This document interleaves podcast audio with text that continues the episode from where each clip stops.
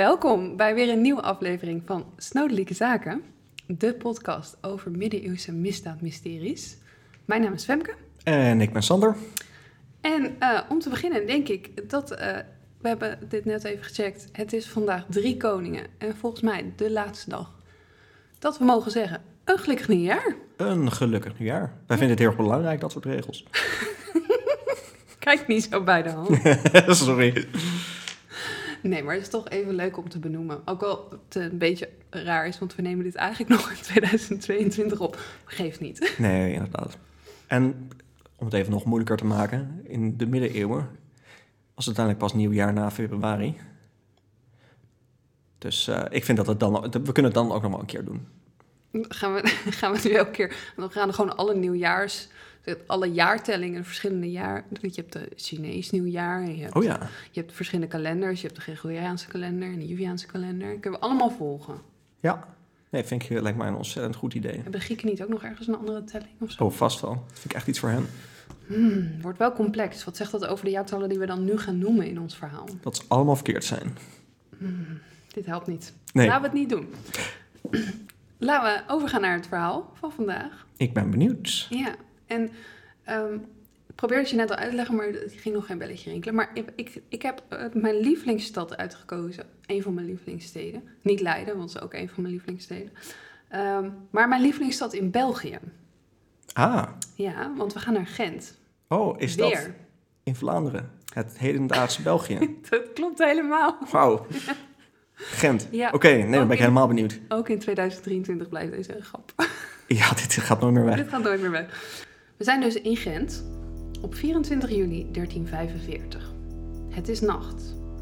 Een man in zijn 50er jaren trekt met een klein gevolg onopgemerkt de stad in. Hoewel ze te paard zijn en goed uitgerust, maken ze haast. Ze voelen zich niet veilig en het is verstandig om zo snel mogelijk de paddenhoek te bereiken. Daar ligt zijn steen, een versterkt huis. Het ligt een beetje aan de rand van de stad, in een gebied dat vroeger een moerassige omgeving was. Het is een groot huis waarin je kan zien dat het een man is van enige statuur. Terwijl ze de rivier de Leie oversteken, passeren ze tweetal mensen. Gelukkig duurt het niet lang meer en bereiken ze veilig de woning. De poort is nog niet goed en wel dicht. Of er klinkt rumoer in de verte. Ondanks hun haast en het late tijdstip zijn ze toch herkend door het duo dat ze hebben gepasseerd. Dit duo heeft de deken van de wevers ingelicht en een woedende menigte verplaatst zich in de richting van de paddenhoek. De poort wordt met bijlen aan stukken gegooid en de menigte forceert zich een weg het huis in. De man en zijn kleine gevolg aan lijfwachten en dienaren proberen weerstand te bieden en te redeneren met deze mensen. De man zelf probeert de opstandelingen tot een bedaren te brengen, te argumenteren dat hij toch zoveel gedaan heeft voor Gent en voor hen. Maar het wil niet baten. Eén voor één wordt zijn gevolg afgeslacht en de menigte dringt zich steeds verder het huis in. De man rent naar het binnenhof van zijn woning om hopelijk via de paardenstallen te kunnen vluchten naar een nabijgelegen kerk. Maar zijn tegenstanders zijn te dichtbij. Er wordt op hem ingestoken met messen en hij wordt geschopt tot hij zijn laatste adem uitblaast en de uitzinnige menigte uh, trekt hem over het stro en de paardendrek. Ze rollen hem er doorheen, waarna ze hem vanaf de paddenhoek urenlang meeslepen door de straten, terwijl omstanders hem bespugen en nahonen. Jacob van Artevelde, hoofdman van Gent, is niet meer. Ja. Zo. Here we are. Stevig. Ja, het was niet zo gezellig. Ik dacht dat we het ergste van Gent al gezien hadden in een eerdere aflevering, maar dit is toch wel. Uh... Nee, en wat de grap is, is dit, dit ligt niet eens zo ver af van het eerdere verhaal wat we in Gent uh, hebben behandeld. Dat is inderdaad een hilarische grap. Nou,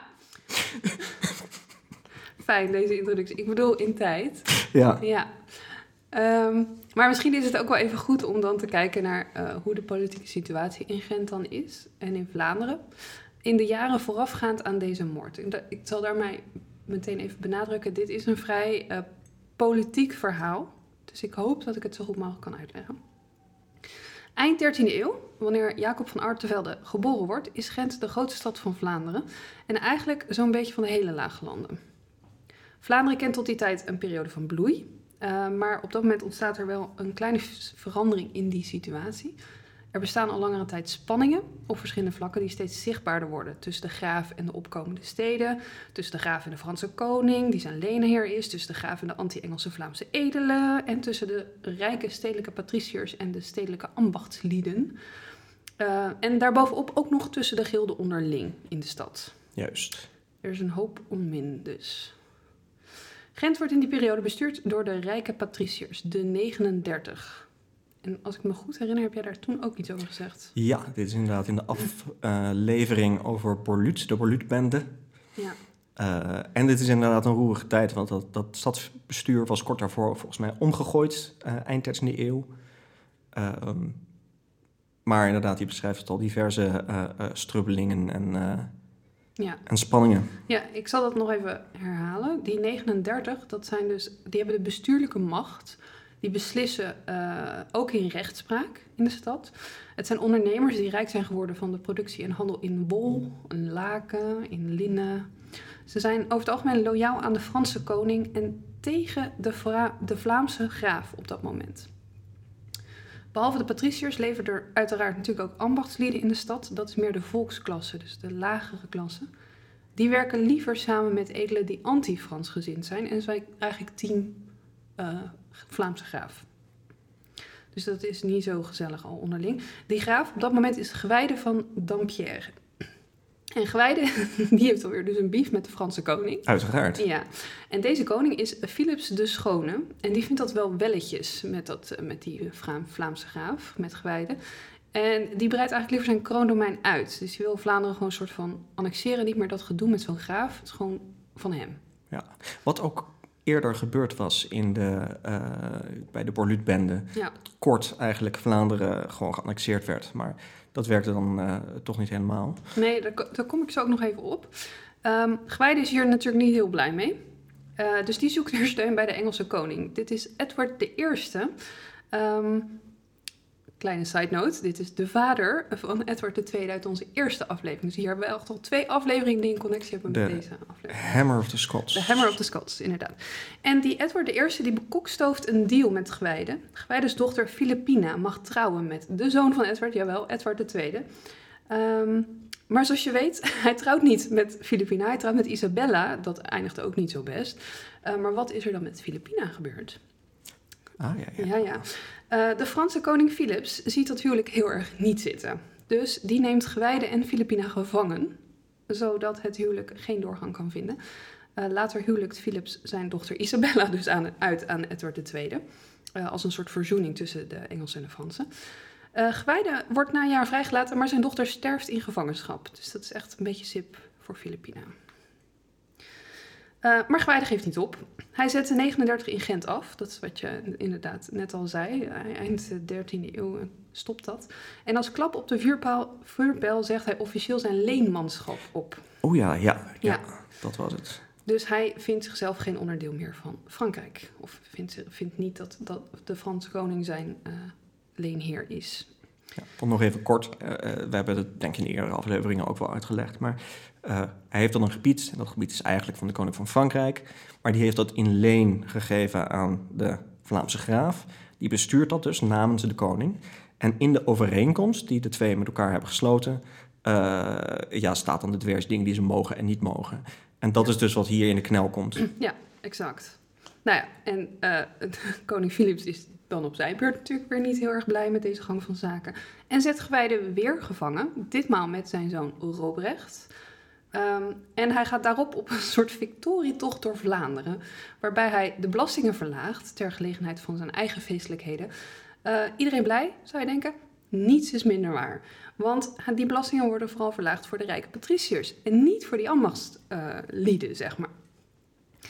En um, dan krijg je een tegenstelling die nog groter wordt tussen die pro-Franse rijke patriciërs en de uh. En die uh, pro-Franse rijke patriciërs, die noemen we dus de leliaards. Dit hebben we dus ook al in de Borluut-aflevering gehoord. naar het Franse wapen, de Franse lelie. En die andere groep noemen we de liebaards, in eerste instantie naar de leeuw in het Vlaamse wapen. En die tegenstelling tussen die twee wordt dus steeds groter en groter. En die Liebaards komen dan in opstand. 1302, tijdens de Brugse Metten, heeft Sander ook al verteld. En daarna in de Gulden Sporenslag in juli, heeft Sander ook verteld, want daar doet onze grote vriend Jan Borluut aan mee. Ja. Ja. Ehm, het werkt en het zorgt er in Gent voor dat ook de ambachtslieden het recht hebben om uiteindelijk mee te gaan doen in bestuur en verkiezing van schepenen. Maar niet voor lange tijd. Want in 1305 sterft Gewijde, nog altijd in gevangenschap trouwens. En zijn zoon Robrecht komt wel vrij en die wordt dan een nieuwe graaf. Maar niet zomaar. Hij moet een verdrag eh, tekenen waarbij hij alle Franse gevangenen vrij moet laten. En eh, Vlaanderen moet bovendien een, het vorstendom opnieuw erkennen en ze moeten een enorme boete betalen. 200.000 pond eh, is die boete. En 400.000 pond als herstelbetaling. En dit komt ongeveer overeen met enkele tientallen miljoenen euro's op dit moment. Het is echt heel erg veel geld. Ja. De Franse koning is dus duidelijk. Met mij haal je dit soort grapjes niet uit. Maar goed, dus die opstand van Vlaanderen tegen de Franse koning is dan even voorbij. Robrecht, hoewel hij feitelijk net zo anti-Frans is als zijn vader, veroorzaakt niet in diezelfde mate uh, dezelfde soort van opstand en reuring als Gewijde dat deed. En in 1322 overlijdt hij dan. En hij wordt opgevolgd door zijn kleinzoon Lodewijk. En deze Lodewijk is wel Fransgezind. Dus dat is belangrijk om te onthouden. We zijn er echt bijna hoor, uh, in deze politieke geschiedenisschets. Um, in 1337, we zitten in de vooravond van de 100-jarige oorlog tussen Frankrijk en Engeland. Ook die is al vaker de gepasseerd. Um, Langzaamaan wordt dat plaatje steeds completer. Hè? ja, elke aflevering. Niet proberen om details direct te onthouden. Het komt allemaal terug. Ja, ja. Uh, het is voor de overzicht. Ja. Engeland bezit op dat moment grote delen van Frankrijk. Frankrijk wil die delen voor Frankrijk. En onze, Franse, of onze Vlaamse graaf Lodewijk kiest kant voor Frankrijk. Engelse koning is boos daarover en die zegt prima, dan doen we geen export meer van bol en levensmiddelen naar Vlaanderen. Joe, mij niet bellen. Dit besluit heeft grote impact. Er ontstaat flinke werkloosheid en ontevredenheid onder de lagere bevolking. En in deze context staat dus onze Jacob van Artevelde op. Ja, ja. ja.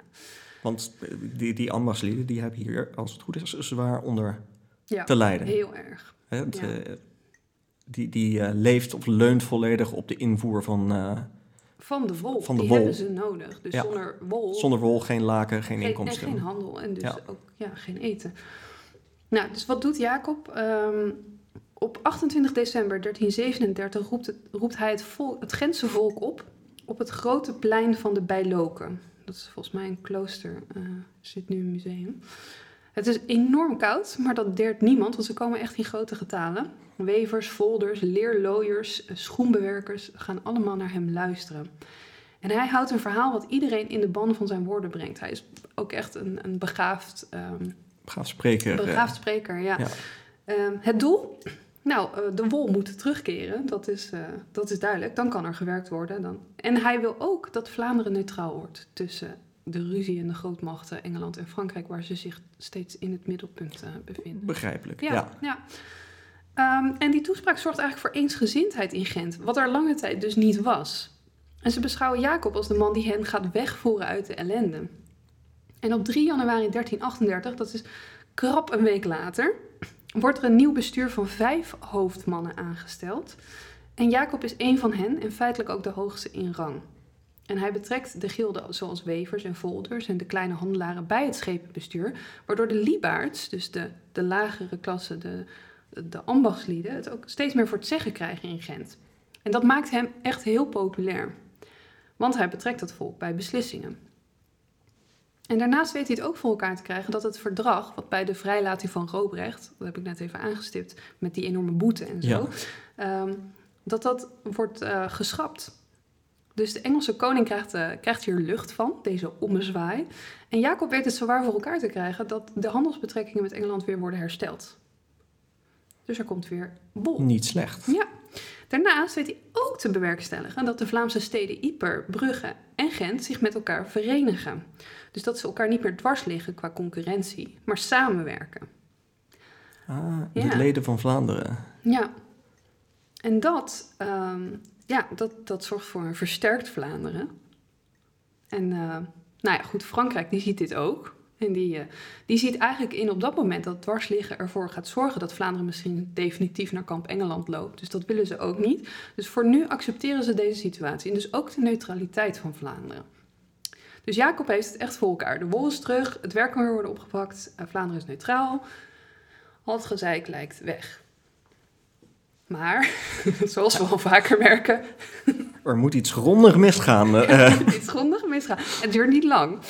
En die politieke spelletjes beginnen uiteraard gewoon weer opnieuw. En dat hebben we natuurlijk al vaker gezien, Engeland en Frankrijk. eh, dat is nooit lang gezellig. Hier ook niet. Eh, de Vlamingen die, die moeten echt flink aan de bak blijven om met name Engeland tevreden te houden. En niet het onderspit te delven tegen de Fransen die opnieuw proberen Vlaanderen in te lijven. Want dat is ook blijkbaar een terugkerend thema. Ehm, in januari 1340 wordt er opnieuw gesproken over bondgenootschappen, waarbij de betrokken partijen overeenstemming vinden over een gewaarborgde wolstapel, financiële steun, bescherming tegen de Fransen, dus dit allemaal vanuit Engeland. Ehm, dit bondgenootschap, bondgenootschap wordt opnieuw bekrachtigd. Op 26 januari komen koning Edward III en zijn vrouw eh, met een groot gevolg aan in Gent.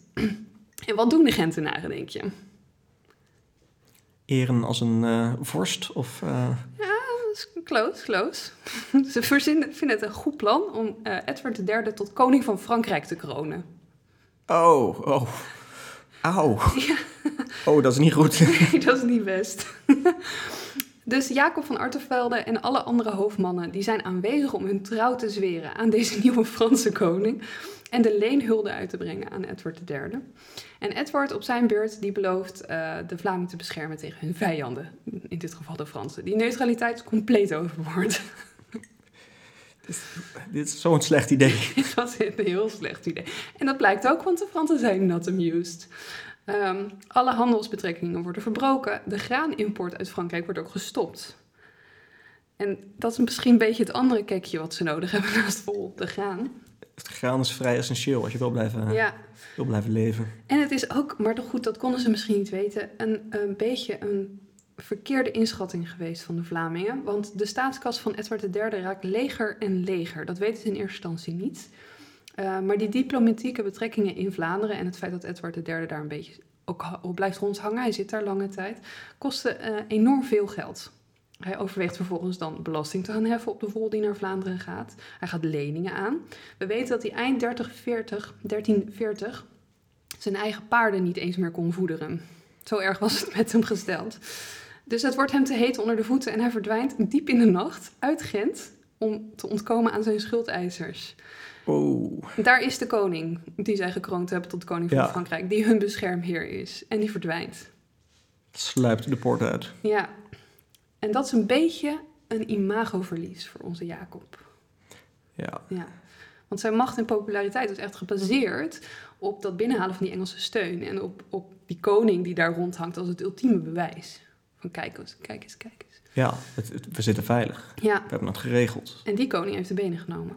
Ja, Dus waar Jacob als een ware held regeerde in Gent en Vlaanderen in 1939, en, waarom zeg ik steeds 19? In 1339 en 1340 is zijn populariteit nu enorm gekelderd. En die Vlaamse graaf, Lodewijk, die begeeft zich ook weer even op het strijdtoneel. Dat is trouwens, als je in dat figuur gaat duiken, ook heel interessant. Dat is best wel een watje. Ja. Want die gaat het, als, als Vlaanderen dan wat sterker is, gaat hij in Frankrijk zitten, weet je wat. ik, eh, ik bemoei me hier niet mee. ik kom later wel terug. Ja, Eh, en hij stelt zich dan ook op als een vorst met absoluut gezag. Omdat Jacobs populariteit daalt, wint die Lodewijk dan dus ook weer wat terrein. En met name onder de Fransgezinde eh, aanhangers. Maar ook in Gent ontstaat er tweedracht. Jacob besluit de welgestelde burger Jan van Steenbeke niet te herkiezen als raadsman. En ik kon niet helemaal achterhalen. Ik heb echt geprobeerd, wat is Jan? Wat, wat is zijn beroep en waarom zat hij... Wat, wat was zijn functie binnen, binnen die, eh, die raad? maar kan ik niet achterhalen. Maar hij is, het is duidelijk dat hij een belangrijke rol heeft gespeeld lange tijd. En hij is dus boos dat hij niet, eh, niet mag blijven. En hij en zijn vrienden doen er dan alles aan om oppositie te gaan voeren tegen Jacob. Dus hij heeft en zijn imagoverlies, En hij heeft een vijand gemaakt. intern ook nog een probleem. Ja. Eh, en op zich heeft Van Steenbeke niet eens een, een gek punt, want er is een regel. Het schepencollege moet elk jaar veranderen. Dat is namelijk wel zo eerlijk. Maar Jacob zit er zelf al vijf jaar. Dus waarom moet Van Steenbeke weg en mag Jacob blijven zitten? Dat vindt hij niet eerlijk en dat snap ik eigenlijk ook wel een beetje. Maar we zien ook wel heel duidelijk dat Van Artevelde heel erg buiten de grenzen, de stadgrenzen van Gent aan het kijken is. En dat doen deze mannen niet. Die zijn alleen maar met Gent bezig en de interne besturing van de stad. En ze beseffen dus daarmee ook niet dat Van Artevelde vrij cruciaal is voor het hele Vlaamse beleid. En de onderhandelingen met de Engelsen en met andere steden. Ehm, maar ja, op stedelijk niveau interesseert ze dat gewoon niet. Vinden ze dat Jacob weg moet. Daarnaast nog een probleem. eh, want het kan niet lang gezellig blijven natuurlijk. Zijn er weer twee gilden tegen ruzie met elkaar hebben op dat moment. Uiteraard, ja. Dat zijn de Wevers en de Volders. De Wevers keren zich dus en steeds meer tegen Jacob, maar dus ook tegen die Volders. Dan hebben we de leider van de Wevers, dat is Gerard de Nijs. En dan hebben we de leider van de Volders, Jan de Baken. En die gilden die heersen eh, onder, hun, eh, onder hun verdeelde aanvoering van de, over de stad. Het zegt ieder voor zich. Eh, en Jacob kan eigenlijk niks doen, want hij gaat niet over die gilden. Dus hij kijkt machteloos toe. En Gerard de Nijs die heeft zich inmiddels wel tot het stadsbestuur opgewerkt. Dus dat is een hoge pief, zeg maar. Vergelijkbaar niveau als Jacob bijna. Ehm, maar Gerard is eigenlijk alleen maar bezig met het belang van de stad en vooral het belang van de wevers. En verder zal het hem een beetje een worst zijn. En deze onrust, daar baat Lodewijk weer bij, die Vlaamse graaf. En ook de Franse koning indirect daarbij. Dus eh, ze hebben opeens te stellen met een bekrompen partijman, namelijk Gerard de Nijs, die alleen maar bezig is met zijn eigen gilde. En daarmee staat de deur een beetje open voor die Franse koning om de, om de scepter zeg maar weer over te gaan nemen. En het helpt des te meer dat de Nijs niet zo lekker gaat met Jacob. Dus op dit moment gaan ze ook alleen maar met de Nijs praten en niet meer met Jacob. Oh ja. Ja. Goed, wat dan ook niet helpt, is dat de Nijs, Gerard de Nijs er in eh, 1345 achterkomt dat van Artevelde, eh, Jacob van Artevelde een pensioen krijgt van de Engelse koning. Oh. Ja. En dan komt er een crisis. Want door dit pensioen te accepteren, Potentiële belangenverstrengeling moet je natuurlijk aangeven. Ja. ja, dat vinden we nu nog steeds. Hij zet daarmee eigenlijk alles echt inderdaad op scherp. Hij is geen onafhankelijk leider van Vlaanderen. Nee, hij is gekocht door de Engelsen. Zo, zo zien ze dat. Ja, en een manier om, dat, om die grote kijk van hem eigenlijk af te doen als een, eh, als, als, als, als een partijdig praatje, zeg maar. Ja. Dus ik, ik snap het dit ook wel, dat, Ja. dat ze dit aanvoeren. Nou, en, en Jacob van Artevelde ook. Die ziet in dat hij hier niet makkelijk mee wegkomt. Dus die neemt een stap terug. Maar dat lost het eigenlijk niet op. Eh, want Gerard de Nijs die verliest ook snel de controle. Dat was dan niet zo'n begaafde politicus, denk ik. Niet- Niet het helderste licht. eh. Niet het helderste licht. En dan hebben we iets dat eh, men noemt kwade maandag. Op 2 mei 1345 raken de Volders en de Wevers slaags met elkaar. De Volders willen een hoger loon. En eh, dat mag niet baten, want eh, dat willen de, de Wevers weer niet. En aangezien Gerard de Nijs in het stadsbestuur zit, weten de Wevers net iets meer te zeggen. Er vallen honderden doden in deze Oh, ja, wauw. gevechten. Ik wilde net zeggen van bijna elke maandag is kwaad. Maar dit is, dit is wel heel extreem echt dan. een kwade maandag, ja. Eh, die doden die, worden vervolgens in de rivier de Leie gegooid. Onder hen de leider Jan de Baken. Dus de, de leider van de folders is ook omgekomen op deze kwade maandag. En waar Jacob eigenlijk altijd heeft geprobeerd te middelen... en alle lagen van de bevolking en al die groepen en die gildes te betrekken met elkaar en zo... ja, nu zijn de wevers weer aan de absolute macht. Dat was niet helemaal de bedoeling. Dit is wel echt extreme, Ja, het extreme woede. Dat het zo... eh, Ja, we dachten dat we er bij de Borluut waren geweest. Maar Ja, het bleef nog lang onrustig in Gent. ja. Eh, toch helpt dit eh, bloedbad Jacob wel iets. Want eh, de gematigde figuren in de stad, die verafschuwen deze gebeurtenissen. Ja, dit heeft natuurlijk enorme impact in zo'n stad. En die gaan hem weer steunen. En Jacob denkt, weet je wat, ik gooi weer een balletje op bij de Engelse koning. Om, eh, om hulp. Dit werkte zo goed de vorige keer. Dat werkt zo goed. La- misschien wil hij mij helpen om de rust in Vlaanderen en in Gent terug te laten keren. Ehm, en op zich heeft hij ook wel, eh, heeft, heeft Edward ook wel wat goed te maken, want die heeft Vlaanderen behoorlijk laten stikken. Ehm, nou, Edward zegt vooruit. Ehm, kan ook een beetje te maken hebben, zijn de vermoedens, dat eh, de hertog van Brabant ondertussen weer een alliantie met Frankrijk dreigt aan te gaan. Dus dat Edward denkt, ho, dat willen we niet hebben. Ehm, dus Edward III komt op 5 juli aan in Sluis. Hedendaags Nederland, moet ik zeggen. Maar toen onderdeel van het graafschap Vlaanderen. Ja. Ehm, waar Jacob hem ontmoet. En met grote woorden, zoals een koning betaamt, eh, hernieuwt hij het verdrag tussen de Vlamingen en Engelsen en hij belooft zijn steun. Dus dat is fijn, dat is geregeld. Ja. Ehm, nou heel sympathiek. Gerard de Nijs op zijn beurt, die beseft dat dat niet zo goed nieuws is voor hem. Want als Artevelde dan terugkeert met de Engelse koning aan zijn zijde, zal hij wel weer de nieuwe held zijn en, en niet eh, Gerard zelf. Dus hij gaat als een gek roddels verspreiden over Jacob. De hertog van Brabant doet trouwens gezellig mee, dus dit bevestigt een beetje het idee dat hij ook Oh ja. eh, andere belangen heeft. Eh, weer wordt gesuggereerd dat Jacob Gent verkocht heeft aan de Engelsen, daar in Sluis. Dus Jacob kan ook niks, hè, want hij is daar dus niet. Nee. Dus hij kan zich niet verdedigen. Dus dit is het verhaal. Jacob zit in Sluis en die zit daar een beetje te bekokstoven met de Engelse koning.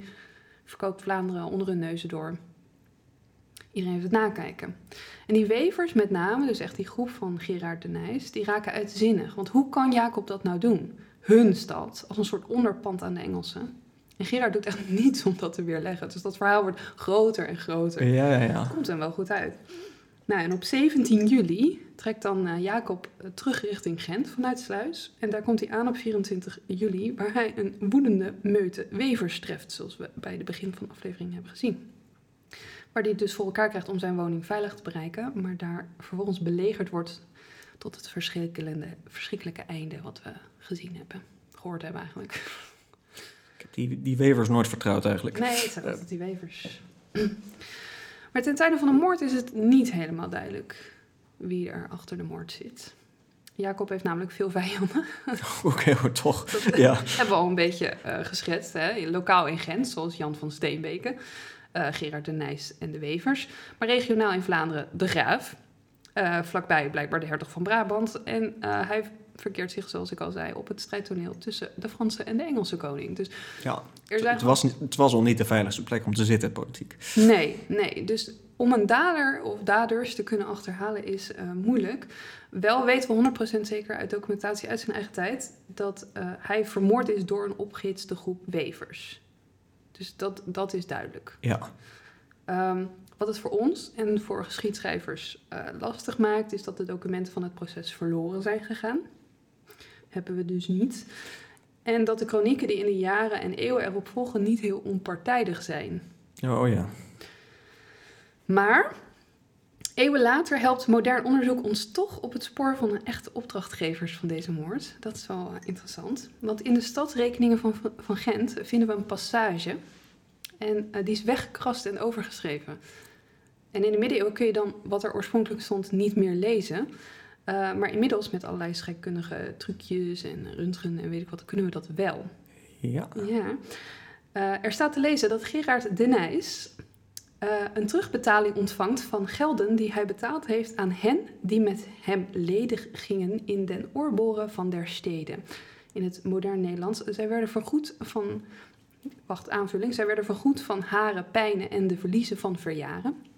In modern Nederlands dus. Eh, Gerard heeft betaald aan hen die niet konden werken in het belang van de stad. Zij werden vergoed voor hun moeite en verloren inkomsten tijdens de ongeregeldheden op 27, of, eh, 24 juli.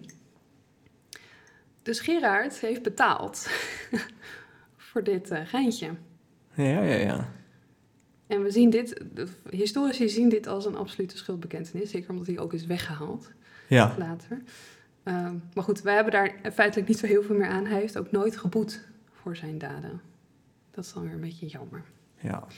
Maar, hè, zoals een ware, waar gebeurde misdaad podcast betaamt, wat zijn dan de motieven voor deze moord? er zijn er heel veel te noemen.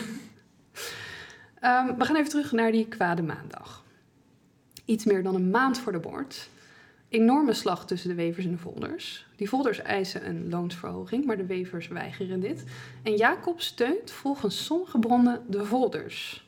En de wevers vinden deze partijdigheid verdacht. Gesuggereerd wordt dus dat de moord een afrekening is voor zijn partijdigheid tussen de gilden. Oké. Kan, Ja. kan. Maar we hebben ook nog een debakel in Sluis. Ja. Want die roddels die circuleren stellen dat Jacob van Artevelde het plan heeft om Vlaanderen definitief bij Engeland in te lijven. En hierbij was zijn streven om de graaf van Vlaanderen, Lodewijk, uh, te vervangen door de prins van Wales, een zoon van Edward III. Die heet trouwens de Black Prince. Ah, ja. Om het even te plaatsen. Lange tijd blijft dit in de Vlaamse contraien eigenlijk uh, ook een beetje rondcirculeren, want het is niet helemaal duidelijk wat hij besproken heeft met koning Edward. Maar uh, er is een 15e eeuwse kopie van een Vlaamse kroniek. Die stelt dat de koning en Jacob tot een akkoord komen dat de grafelijke rechten van Lodewijk overgaan op de prins van Wales, de zoon van Edward III. Een koep die dan dus inderdaad meer controle vanuit Engeland over Vlaanderen veronderstelt.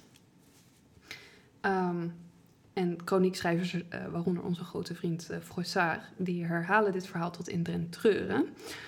Uh, hij stelt zelfs dat de gezanten die Jacob vergezellen het niet met hem eens waren en proberen te argumenteren dat Lodewijk zoon het moet overnemen, maar liever niet de prins van Wales. Oh ja, wat wat uh, onze Jacob eigenlijk nog slechter maakt, ja, dat ja, hij zelfs zijn kameraden negeert. Ja, dus dit verhaal blijft tot in de 19e eeuw het verhaal. Dit is de reden. Maar dan ontdekt men een brief, en dit vind ik zo leuk, want dan komen er dus nieuwe bronnen. dan kunnen we een stukje van de puzzel bekijken. Deze nieuwe brief uh, in het Nationaal Archief in Londen is geschreven door Edward III zelf op 19 juli, twee dagen nadat uh, Jacob dus weggaat uit Sluis. En hij richt zich naar de stad Brugge, dus een samenwerkende partner van Gent. Hierin valt te lezen dat hij graaf Lodewijk en zijn nakomelingen blijft erkennen als wettelijke graaf. Dus hij neemt helemaal niks over. Ah. Um, dit op basis van de afspraken met Jacob. Dat zegt hij zelfs. Oké. Die overeenkomstig met het standpunt van de andere Vlaamse steden vond dat Vlaanderen op zichzelf bleef onder een graaf, mits deze maar de soevereiniteit van Edward III als officiële koning van Engeland en Frankrijk accepteert. Natuurlijk. Maar wel ja. een eigen graafschap met een eigen graaf en niet verkocht aan de Engelsen. Geen prins of Wales dus, geen, Nee. geen Black Prince. Jacob verkocht Vlaanderen niet. Allemaal eh, roddels en eh, geruchten dus. Roddels. Ehm, laatste argument. Er kan ook nog beargumenteerd worden dat de Vlaamse graaf, die het absoluut niet op had met de dwarsliggende Jacob, of zelfs de Franse koning, eh, achter deze moord zitten. Maar hier zijn heel weinig aanwijzingen voor te vinden, hoewel er in de literatuur wel her en der sugge- gesuggereerd naar wordt, zeg maar, dat dit een optie is. Maar we weten het niet. Oeh. ja, wat denk jij? Ik denk, ja, ik, ik zou kunnen denken dat er mogelijk ook een combinatie is van de eerste en de tweede. Mhm. Eh, met sowieso natuurlijk de eerdere rivaliteit al eh, tussen de belangrijke mensen. Ja. Eh, maar dat het idee eh, van hij verkoopt Gent aan Engeland eigenlijk een beetje de doorslag gaf. Om mensen echt goed pissig te krijgen. Ehm, en ja, ik denk dat die, die mogelijke eerdere slagpartij ook wel een rol heeft gespeeld. Het feit dat er al bloed is gevloeid. Dat mensen al verder zijn gegaan dan woorden. Ja. Eh, maar ik vind het wel erg plausibel dat, eh, en interessant sowieso, dat dat soort geruchten en ideeën eh, potentieel zo'n grote stap kunnen verklaren.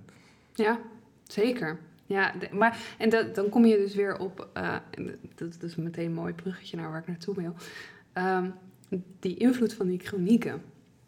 Ja, En eigenlijk eh, zegt men dus ook wel dat de moord op Jacob in zijn huis niet zijn enige moord is. Want na de moord komt Jacob voor in zoveel chronieken, ehm, waar hij eigenlijk feitelijk en tussen aanhalingstekens ook wordt afgemaakt. Zeg maar zijn karakter.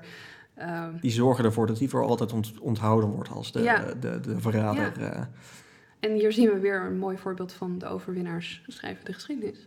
uiteraard. Nou, dat was Jacob niet. Ehm, zo hebben we een Franse schrijver die schrijft dat het stoffelijk overschot eerst in een nonnenklooster wordt begraven, om vervolgens opnieuw opgegraven te worden, gedumpt in de velden, om daar verslonden en opgevroten te worden door dieren en vogels. Dat is al meteen een extra Zo, gezellige. een sfeervolle prentschep dat. Ja. eh, Zo, zo slecht was eh, onze Jacob dat dit zijn, eh, zijn tweede einde moest zijn eigenlijk. ja. Vlaanderen zelf doet lange tijd alsof Artevelde gewoon helemaal niet bestaan heeft. Eh, geen enkele chroniekschrijver uit zijn eigen tijd vindt het nodig om hem te noemen. Zo. Dat is eh, vrij hardcore. Eh, de opvolger van graaf Lodewijk, zijn zoon, ook Lodewijk, noemt, noemt, noemt Jacob van Artevelde wel onder de, noemen, onder de noemer de tijd van de rellen van Jacob. Ah, Hij noemt hem wel een opmerkelijk kapitein, maar dat is ook wel een beetje het enige wat hij eraan vuil wil maken. Hij is wel de graaf die het toestaat dat Jacobs vrouw, kinderen en familie mogen terugkeren naar Gent, want die zijn na deze uh, aanslag een tijd lang verbannen geweest. Oké. Ehm, nou, dan hebben we onze Froissart. Uh, dat heb ik al een beetje geschetst. Jacob komt daar niet zo goed vanaf. Dit is een Fransgezinde bron. En dan moeten we goed in het oog houden dat dat zo is. Uh, hij erkent wel Jacobs staatsmanschap. En hij stelt dat hij een begenadigd spreker was. Hier hebben we onder andere een voorbeeld van dat dat dus genoemd wordt. Um, maar we moeten niet vergeten dat Froissart is zelf pas acht wanneer Jacob vermoord wordt. Ja. Um, hij moet dus doen met wat hij uit andere bronnen heeft vernomen. En hij baseert zich weer op een Luikse priester, Jehan le Bel. En dat is weer een sympathisant van de Fransgezinde adel. Deze Jehan, ik weet niet, ik denk dat je het zo uitspreekt, uh, omschrijft, ja, omschrijft Jacob uh, als intelligent, maar nors. En zo machtig dat de hele stad Gent als een soort dictatuur onder hem werd geregeerd. Ah. Ja. Hij zou een lijfwacht hebben van 60 tot 80 man. En als iemand Jacob uh, niet zinde, dan wenste hij die persoon dood. Zo zou hij dan een bevel geven dat als iemand, uh, hij iemand ontmoette en hij dan een bepaald teken gaf, dan moest die persoon direct vermoord worden. Hoe belangrijk die persoon ook was, maakt niet uit. Jacob wilde. Ja, met andere woorden, hij was een tiran, wat dus ja. rechtvaardigt ja. om hem om het leven te brengen. Zeker, ja. Dus iedereen zou doodsbang voor Jacob moeten zijn, uh, zegt die Jehan. Niemand durft hem aan te kijken of aan te spreken. Hij zou bloeddorstig zijn, wordt er gezegd. Um, uit later onderzoek blijkt dat Jacob een lijfwacht had van 21 man. een stuk minder. dat hij wel waakzaam was, inderdaad. Dat, daar kan ik me iets bij ja, voorstellen, ja. We hebben gezien dat de situatie niet altijd even gezellig was. Um, blijkend ook uit uh, bepaalde maatregelen die hij getroffen heeft. Zijn huis werd streng bewaakt. Um, maar je, dit moet je wel inderdaad zien in die bredere context van die politieke spanningen. En niet uit een soort bloeddorstig of machtsbelust oog, ja. denk ik. Nou ja, die uh, op zijn beurt, die nuanceert die verhalen iets. Uh, hij verhaalt wel dat Jacob geliefd was bij de Vlamingen en daardoor kon doen wat hij wilde. Maar ook hij zegt bloeddorstig en tyranniek. Ja. Dus um, ja, en Froissart, die, daar wordt natuurlijk komen eindeloos chroniekschrijvers na die dat herhalen en herhalen en herhalen. Ja, ja want dit is een, uh, een inspiratie voor heel veel. Ja, ja, wij hebben hem ook al een paar keer eerder aangehaald. Ja. Hij, hij, heeft een hoop genoteerd. Ook uh, een beetje de chroniekschrijver van de 100-jarige oorlog. Zeker, ja. En er is af en toe wel eens een uitzondering die een ander geluid laat horen, maar dit zit eigenlijk weinig Ja. zoden aan de dijk. Maar goed, tijd heelt alle wonden, zegt men. Dus ook het beeld over Jacob van Artevelde. In 1812 wordt hij door de Franse prefect erkend als een staatsman. Dus een klein stapje tot eerherstel. Uh, dan is er een Vlaamse schrijver, Hendrik Conscience. En die Ah. schrijft in die periode verschillende werken met een pro-Vlaams karakter. Jij zegt al, ah. Ja, want hij heeft ook over Borluut geschreven. Ja, uh, hij, uh, hij heeft heel veel leuke boekjes geschreven, deze man. um, deze boeken zou ik echt, uh, die hebben bijgedragen tot de groei van het Vlaamse, de Vlaamse beweging in de 19e en 20e eeuw. Dus echt van dat hele besef van wij Vlaanderen, Ja. vooral. Um, een van deze werken gaat dus over Jacob van Artevelde. En daar wordt Jacob echt neergezet als een icoon. Echt een held. Uh, de rol van de Fransgezinde en de, de moord worden meeslepend en dramatisch neergezet. Oh ja, ja. Het, grote onrecht. Ja, ja, ja. Ja. ja. Uh, en de personages zijn ook echt absolute voorbeelden van goed en kwaad, van die tegenstellingen. Uh, waarbij Gerard uh, de Nijs is de absolute vertegenwoordiging van al het kwaad. Is misschien nog wel erger dan de Franse koning of de Vlaamse graaf. Ja. Het is ongenuanceerd, maar het draagt wel bij aan die rehabilitatie van, van Jacob. En in 1863 beslist men dan om een enorm groot beeld naar zijn nagedichtenis te plaatsen. Dat beeld staat er nog steeds. Het staat op de Vrijdagmarkt en dit is precies de plek waar de Gentenaren in 1340 Edward III hebben uitgeroepen tot koning van Frankrijk. Hey. um, na de onthulling door de eerste Belgische koning, dit is Leopold I trouwens, Ja. um, is het ook een week lang feest in Gent. De Huh. Artevelde feesten. Ja, ja. En het, nou ja, wat ik zei, dat beeld staat er nog steeds. Um, in 1911 komt er een toneelstuk waarbij zijn imago verder wordt versterkt. Het beeld van Jacob groeit eigenlijk uit tot een symbool van Vlaamse strijd tegen, tegen de verfransing. Ja, ja, ja. Dus eigenlijk uh, zijn zijn moord en zijn eigenlijke daden... Uh, wat, wat, heeft, wat heeft Jacob nou betekend voor de stad Gent of voor Vlaanderen? Verdwijnen een beetje op de achtergrond. Het is ja. meer, kijk, wij hebben hier een soort figuur. En, uh, wat, en dat is iets waar we het uiteindelijk natuurlijk eerder over hebben gehad. Sowieso die bril van de, van de 19e eeuw, ja. die heel erg belangrijk is. Maar ook wat, wat geschiedenis eigenlijk is. Ja, heel moeilijk. Ja, vooral. Want we, je heel moeilijk inderdaad, want we willen ons bezighouden natuurlijk met wat er echt gebeurd is. Ja. Uh, maar voor een deel ben je ook bezig met wat mensen daar door de eeuwen heen van gemaakt hebben. Ja. En dat is ook ontzettend boeiend. Ja, nou, en daar heb ik ook best wel wat artikeltjes over gelezen. Men nog altijd niet zo goed weet wat Jacob van Artevelde nou precies betekend heeft voor Vlaanderen of voor Gent. Maar dat hij wel enorm gevierd wordt daar, weet je wel. Dus dat, ja. dat, uh, dat beeld staat daar dus nog altijd. Men noemt hem trouwens de wijze man, als een soort ereman, naam. Uh, zijn rechterarm is hoog opgestoken in dit beeld. En hij wijst trouwens in de richting van Engeland. Oh, ja. Een leuke fun fact. Um, er is een lied voor hem geschreven. Er is een stadsbrouwerij met zijn naam. Er zijn Artevelde biertjes. Um, ja. Gent wordt ook wel de Artevelde stad genoemd. De hogeschool heet de Artevelde Hogeschool. En in 2005 wordt Jacob verkozen op de lijst der grootste Belgen op plek 147. Oké. Ja. Dus uh, Jacob is niet weg te denken uit Gent. Maar ik, ik ben oprecht wel benieuwd hoeveel Gentenaren weten precies uh, hoe, wie hij was, wat hij gedaan ja. heeft en hoe hij om het leven is gekomen. Ja, grappig. Ja. ja dat, is, dat is heel apart. Ja. Ja. Ja, ik zie ook weer een parallel met die, met die Paul Benneke aflevering bijvoorbeeld. Dat ook zo'n figuur is ah. wat, waarbij het, het, het beeld van de man uh, eigenlijk geen verband heeft met nee. originele gebeurtenissen. Nee. Uh, en toch een hele belangrijke rol speelt in hoe mensen bezig zijn met het verleden. Ja. Dat, uh, dat je hem toch op een soort voetstuk zet of hem claimt als een, als een belangrijk figuur in jouw, uh, jouw of eigenlijk jouw, jouw ideaal beeld van waar je woont. In dit geval ja. denk ik Vlaanderen en nog steeds. Het hedendaagse um, België. het hedendaagse België. Um, maar geen idee wat die man nou precies ja, heeft precies. uitgevoerd.